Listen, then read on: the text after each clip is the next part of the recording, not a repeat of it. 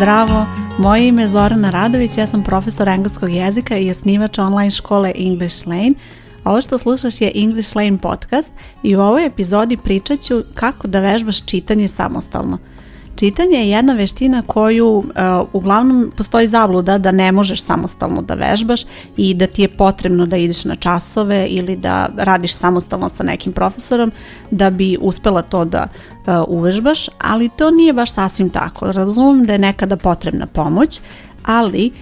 dosta toga zapravo zavisi od tebe i koliko ćeš ti vežbati jer e, ako ti ne vežbaš, niko ti neće moći pomoći u tom smislu da ti popraviš izgovor. Moj prvi savjet je da naučiš fonetsku transkripciju. Fonetska transkripcija je skup simbola koji se koristi da se napiše kako se čita neka reč. I kada otvoriš neki rečnik koji je jednojezični, u njemu ćeš vidjeti da napisanu reč i odmah zatim napisanu reč u nekim kosim zagradama sa nekim simbolima koji liče na slova i uglavnom jesu tu slova, ali ima i nekih drugih znakova i to je fonetska transkripcija. Iako to izgleda teško, zapravo nije, Potrebno je samo malo vremena da naučiš šta predstavljaju ti znakovi i kako se oni čitaju. A sjajna stvar je što kad naučiš fonetsku transkripciju, ti bukvalno možeš da pročitaš bilo koju reč, čak i ako je nikada nisi čula do sada. Kada gledaš u fonetsku transkripciju, kada pogledaš neku reč koju možda i po prvi put vidiš, i ako znaš kako se ti simboli čitaju, ti ćeš jednostavno potražiti reč u rečniku i pročitati što je tu napisano u tim kosim zagradama. Znam da je fonetska transkripcija nešto što mnogi gledaju da izbjegnu kada uče engleski jezik i znam mnogi koji su naučili engleski jezik, a da uopšte ne znaju fonetsku transkripciju i moguće je to i možeš i ti to da uspeš, ali u tom slučaju ćeš morati da imaš audio primere za sve ono što učiš, za neku novu reč koju čuješ. Naravno, sada ovi rečnici online jednojezični također imaju i audio kao primer i to možeš da koristiš umjesto fonetske transkripcije. Dakle, kada otvoriš jednojezični rečnik, prvo ćeš vidjeti reč napisanu, onda ćeš vidjeti fonetsku transkripciju, a tu je negde odmah i zvučnik i kada klikneš na taj zvučnik uglavnom ćeš čuti izgovor, uglavnom ima britanski i američki izgovor i tako možeš da naučiš kako se čita neka reč, jednostavno ponavljaš to što čuješ. E sad se postavlja pitanje zašto uopšte učiti fonetsku transkripciju ako već postoji snimak koji možeš da čuješ vrlo jednostavno, kada počinješ sa učenjem engleskog jezika, a vrlo često i kasnije, dešava se da taj snimak nije sam po sebi dovoljan. Dakle, ne možeš uvijek baš svaki glas da čuješ na tom snimku i zato je bitno da znaš i fonetsku transkripciju i da onda možeš da vidiš napisano koji glas treba da izgovoriš kada čitaš neku reč. Drugi savjet koji ću ti dati kada želiš da vežbaš čitanje samostalno je da obratiš pažnju na neke specifične glasove koji se javljaju u engleskom jeziku i namjerno sam rekla glasove, dakle ne slova nego glasove, to je nešto što treba da izgovoriš u rečima i svakako je prvi primjer koji verovatno i tebi, a i svima pada na pamet su glasovi th i th. Kada je u pitanju pisanje, te glasove ćeš vidjeti napisane kao th, ali ćeš nekada čitati th, a nekada th. I to su potpuno dva različita glasa, koriste se u različitim rečima i bitno je da naučiš pre svega da ih razlikuješ, a naravno bitno je i da naučiš lepo da ih izgovoriš. Znam da će mnogi u početku kada čuju te glasove, umjesto tog pravilnog izgovora reći recimo t ili d, ali imaju u vidu da to nije pravilan izgovor i da ukoliko zaista želiš da vežbaš čitanje, vrlo je bitno da vežbaš i sve te glasove koji se javljaju. Dakle, vrlo je bitno da naučiš da je t i d, da su to drugi glasovi, da ne možeš reći t ili d, da to nije isto. Iako ovo nije epizoda o izgovoru, ajde kad smo već tu i kad sam pomenula te glasove, ajde probaj sa mnom da ih ponoviš. Th, th, imamo onda reč think, think, misliti, a drugi glas je the, the. Onda imamo reč that. U toj reči that imamo još jedan specifičan glas, to je e. O tom glasu sam već pričala u jednoj od prethodnih epizoda. Probaj da obratiš pažnju na te glasove, probaj da vežbaš njihov izgovor i čak i ako ti u početku zvuči teško, vidjet ćeš da ćeš vremenom što više vežbaš uspjeti da naučiš i svaki od tih glasova. Sljedeći, odnosno treći savjet koji se odmah nadovezuje na ovo prethodno je da čitaš na glas. To znači da kada vežbaš čitanje, vrlo je bitno da zaista čitaš na glas, da čuješ sebe kako čitaš i to je nešto što znam da mnogi ne rade. Dakle, pogledaju tekst pročitaju ga u sebi i tada se dešava da neku reč koju misliš da znaš kako se čita, samo onako promrmljaš onako sebi dok razmišljaš o tome kako se čita, a zapravo je ne izgovoriš pravilno. I ako najdeš na takvu reč, nemoj to da radiš, nemoj tako da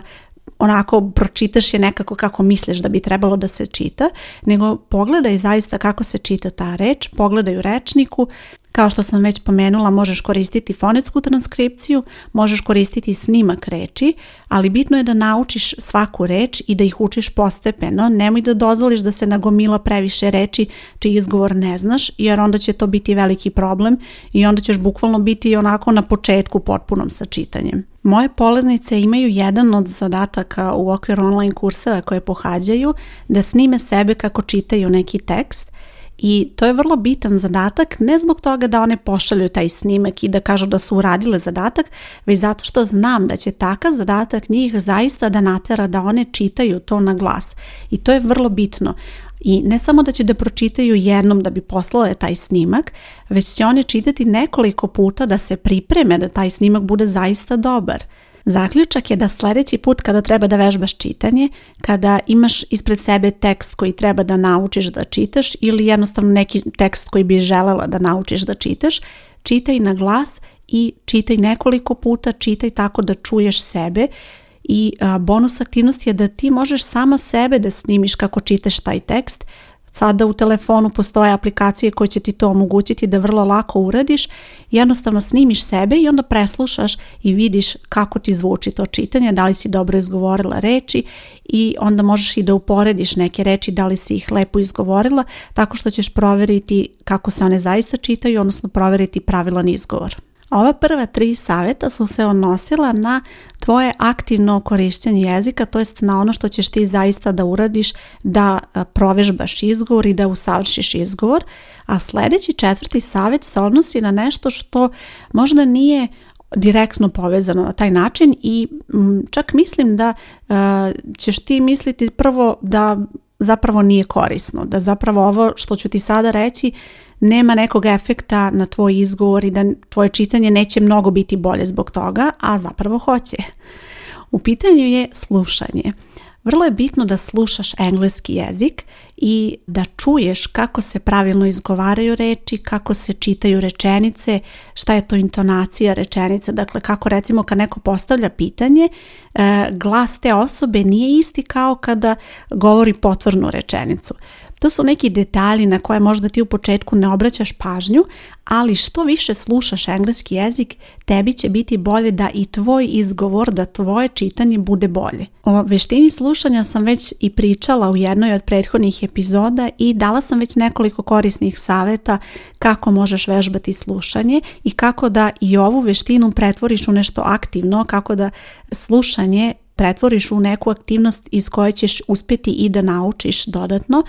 i to je nešto što e, ti savjetujem i sada, dakle fokusiraj se da slušaš engleski jezik i da budeš u kontaktu sa engleskim jezikom kada god možeš, slušaj pesme, slušaj televizijske programe, što god želiš, ali to je nešto što će ti također biti vrlo korisno kada je u pitanju tvoj izgovor. U okviru ove stranice gdje slušaš podcast ja ću ostaviti i link ka toj epizodi gdje sam pričala o slušanju i kako možeš vežbati slušanje, jer smatram da će ti to biti zaista korisno. Da se podsjetimo još jednom kako možeš da vežbaš čitanje, nauči fonetsku transkripciju, nauči glasove koji su specifični u engleskom jeziku, čitaj na glas i slušaj engleski jezik i zajedno će sve te aktivnosti veoma dobro uticati na tvoj izgovor i pomoći će ti da i tvoje čitanje bude bolje. I na kraju imam još jedan bonus savjet za tebe.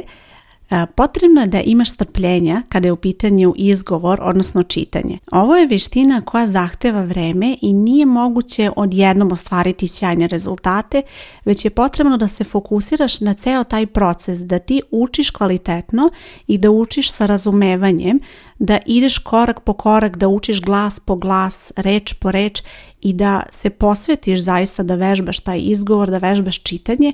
i da vremenom vidiš kako napreduješ. Možda to neće biti za mesec, dva, možda u tom kratkom periodu nećeš vidjeti odmah dovoljno dobre rezultate, ali ako učiš redovno i ako redovno razvijaš ovu veštinu, pogotovo recimo uporedo sa gramatikom i vokabularom ti učiš i izgovor i vežbaš čitanje,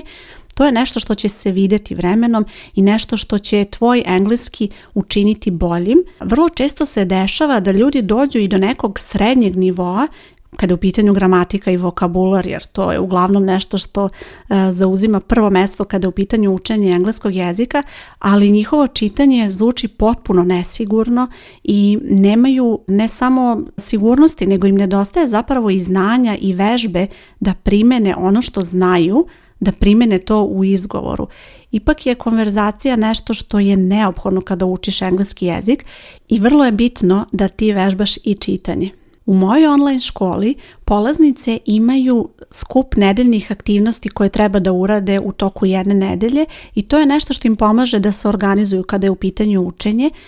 i kada su te aktivnosti u pitanju, tu uvek postoji zadatak čitanja. Dakle, to je neophodna aktivnost koju one treba da urade, jer znam da je to neophodan deo učenja i da je to nešto što će im pomoći da vežbaju izgovor, čak i onda kada recimo ne mogu da učestvuju u konverzaciji, imaju priliku da samostalno vežbaju izgovor na taj način. Naravno, daleko od toga da su one same u svemu tome, nakon što one urade zadatak čitanja, nakon što pošalju taj snimak, ja pregledam taj snimak, preslušam šta su one uradile, kako su pročitale tekst i onda im dam povratnu informaciju da li je dobro, šta je dobro, šta nije dobro, na koju reč treba da se vrate, koju reč treba dodatno da uvežbaju i to je nešto što njima pomaže da čitanje onda bude bolje. Dakle, one neće preći na narednu lekciju, nego će se vratiti na prethodnu lekciju, uvežbati tu reč na koju sam im ja skrenula pažnju, a zatim idu dalje. I to je poenta. Moraš biti spremna da se vratiš nazad. To je bukvalno ono dva koraka napred, jedan korak nazad.